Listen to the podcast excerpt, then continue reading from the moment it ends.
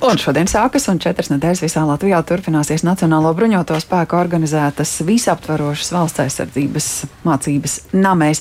Tāpat aizsardzības ministrija šodien informēs par jauno valsts aizsardzības koncepciju un gan par mācībām namēs, gan par koncepciju. Šobrīd izvaicāsim Nacionālo bruņoto spēku komandieru Leonīdu Kalniņu. Labrīt! Labrīt! Uh, bet vispirms, pirms mēs ķeramies klāt pie um, šīm mācībām namēs, gribu vaicāt, vakar mēs ziņojām par kiberuzbrukumu valsts iestādēm dažādām parādām. Skatos, jūsu mājaslapa šorīt ļoti švaki strādā, nevarās minūtēm ilgi. Jūs joprojām piedzīvojat uzbrukumu? Atbilstoši tai informācijai, ko mēs regulāri saņemam no CERTLV, īsnībā uz Latviju ik katru ikdienu ir vairāki desmit tūkstoši uzbrukumi no dažādiem um, portāliem, kas ir specifiski izveidoti, lai draudētu, apdraudētu un, un visāda veida traucētu mūsu darbību. Ne tikai masu mēdījos, bet arī uh, valsts funkcionalitātē un uh, visas ekonomiskās darbības nodrošināšanā. Uh, ja mājaslapas uh, bremzē, bet viņi joprojām strādā. Tas nozīmē, ka eh, aizsardzība ir diezgan efektīva un viņi ir nodrošina ne tikai mājaslapu mūsu funkcionalitāti, arī vispārējās darbības. Jau var informēt, ka mājaslapa darbojās tikai jā, ļoti bremzē. Eh, vai ir kādas versijas, kāpēc ir noticis šāds uzbrukums reizēm? Tas ir kaut kas saistīts ar kādiem notikumiem, varbūt tas ir saistīts ar namē, kas sākas šodien.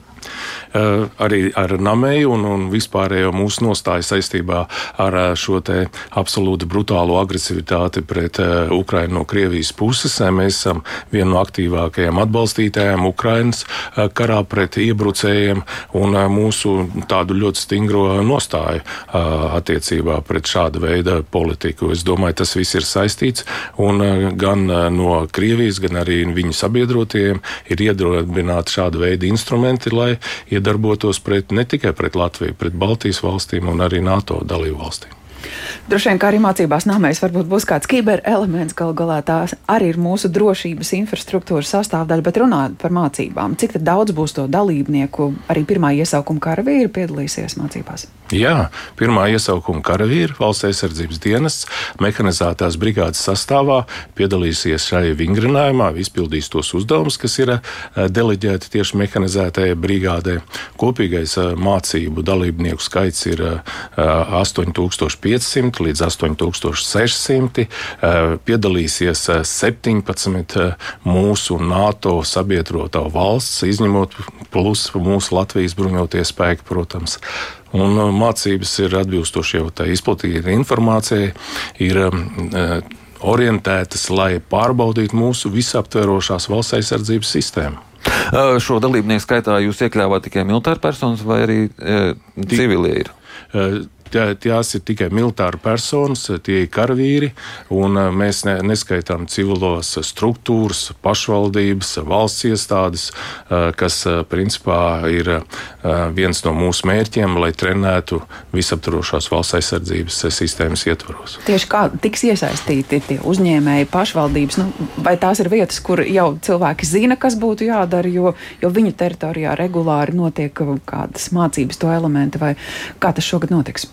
Mācības tiek uh, uzsāktas gatavot jau apmēram 10, 12 mēnešu iepriekš. Tātad uh, gan uh, privātas struktūras, gan pašvaldības, gan valsts struktūras īstenībā jau zina mācību scenāriju, zina, kādi pienākumi tieši vingrinājumā, un viņi noteikti ir arī uzstādījuši un noteikuši paši savus mērķus, ko viņi gribētu pārbaudīt un testēt. Un, un tas noteikti rezultēsies, kas dos tādu lielāku pārskatu, cik lielā mērā mēs esam gatavi. Tad mācību scenāriju sāka veidot pirms gada. Pirms gada jau pilnā spārā gāja Ukraiņas karš. Tātad mācības ir pieskaņotas saistībā ar kara aktualitātēm, un tāpēc ir pārsvarā Latvijas pusē. Ne tikai. Mēs, principā, valsts aizsardzības eh, plānus eh, testējam tieši šādas liela vingrinājuma eh, ietvaros. Un, un šeit mēs pārbaudām gan mūsu vadības spēju, tātad komandējušās sastāvspēju nodrošināt visu uzdevumu izpildi, gan kopējās tādā vienības sastāvā, militārās spējas un katra individuālā karavīra un dalībnieka spējas. Tas ir tas galvenais mērķis. Katrs scenārijs katru gadu ir mainīgs un principā tas, kad nu, varbūt masmēdījos diezgan lielā mērā izskanēja to, ka Latvijas pusē mums bija vairāki vingrinājumi pirms šīs. Tas absolūti nenozīmē, ka pārējās teritorijās netiks nekas vingrināts. Ja mēs paskatīsimies par šo vingrinājumu gaitu, kur būs iespēja mazs mēdījiem arī redzēt un piedalīties, tad jūs redzēsiet, ka arī kurzemes pusē Rīgā būs ļoti lielas aktivitātes otrajā fāzē. Vadības spēju jūs pārbaudat līdz kādam līmenim? Līdz NBS komandierim vai līdz prezidentam? Mēs eh, pārbaudām līdz prezidentam. Protams, ka augstākais mūsu vadonis, militārais ir valsts prezidents, un eh, mēs visas šīs funkcijas pārbaudām līdz eh, tam līmenim. Un, kā jūs sapratot, sapratīsiet, ka prezidents zina un pārzina savas funkcijas? Es domāju, ka prezidents zina savas funkcijas, vēl jau vairāk viņš ir ieplānojis apmeklēt mācības un noteikti iedziļināties visā tajā scenārijā. Viņš arī ir apmeklējis bruņotos spēkus vairākas reizes jau tagad, šajā īsajā periodā, kad viņš ir um, sācis pildīt prezidenta savas uh, funkcijas. Un uh, es domāju, ka viņam arī ir ļoti liela pieredze arī no iepriekšējās savas darbības, un viņš pārzina gan valsts aizsardzības uh, sistēmu, gan arī bruņoto spēku funkcionalitāti. Bet, nu, šobrīd mācības mācību laikā, kas notiks ar Latvijas robežu, mēs zinām, ka pēdējās nedēļās ir bijusi vajadzīga. Nemainīgi mēs atbalstīsim Latvijas valsts robežsargus, mēs kontrolējam visu šo situāciju. Mums ir, nu, ir visi spērti nepieciešamie soļi, ko mums pieprasīja iekšlietu ministrija un lūdza valsts robežsardze. Šodien mācības ar ko sākās? Šodien mācības sākās ar eh, vispārējo tādu mm, nu, gatavības pārbaudi, kad eh, personāls eh, pēc signāla ierodas savās vienībās. Bet šī fāze. Tas signāls ir izskanējis? Tieši tā, viņi tagad sākas pulcēties gan štābos, gan principā štābos un, un, un vienībās.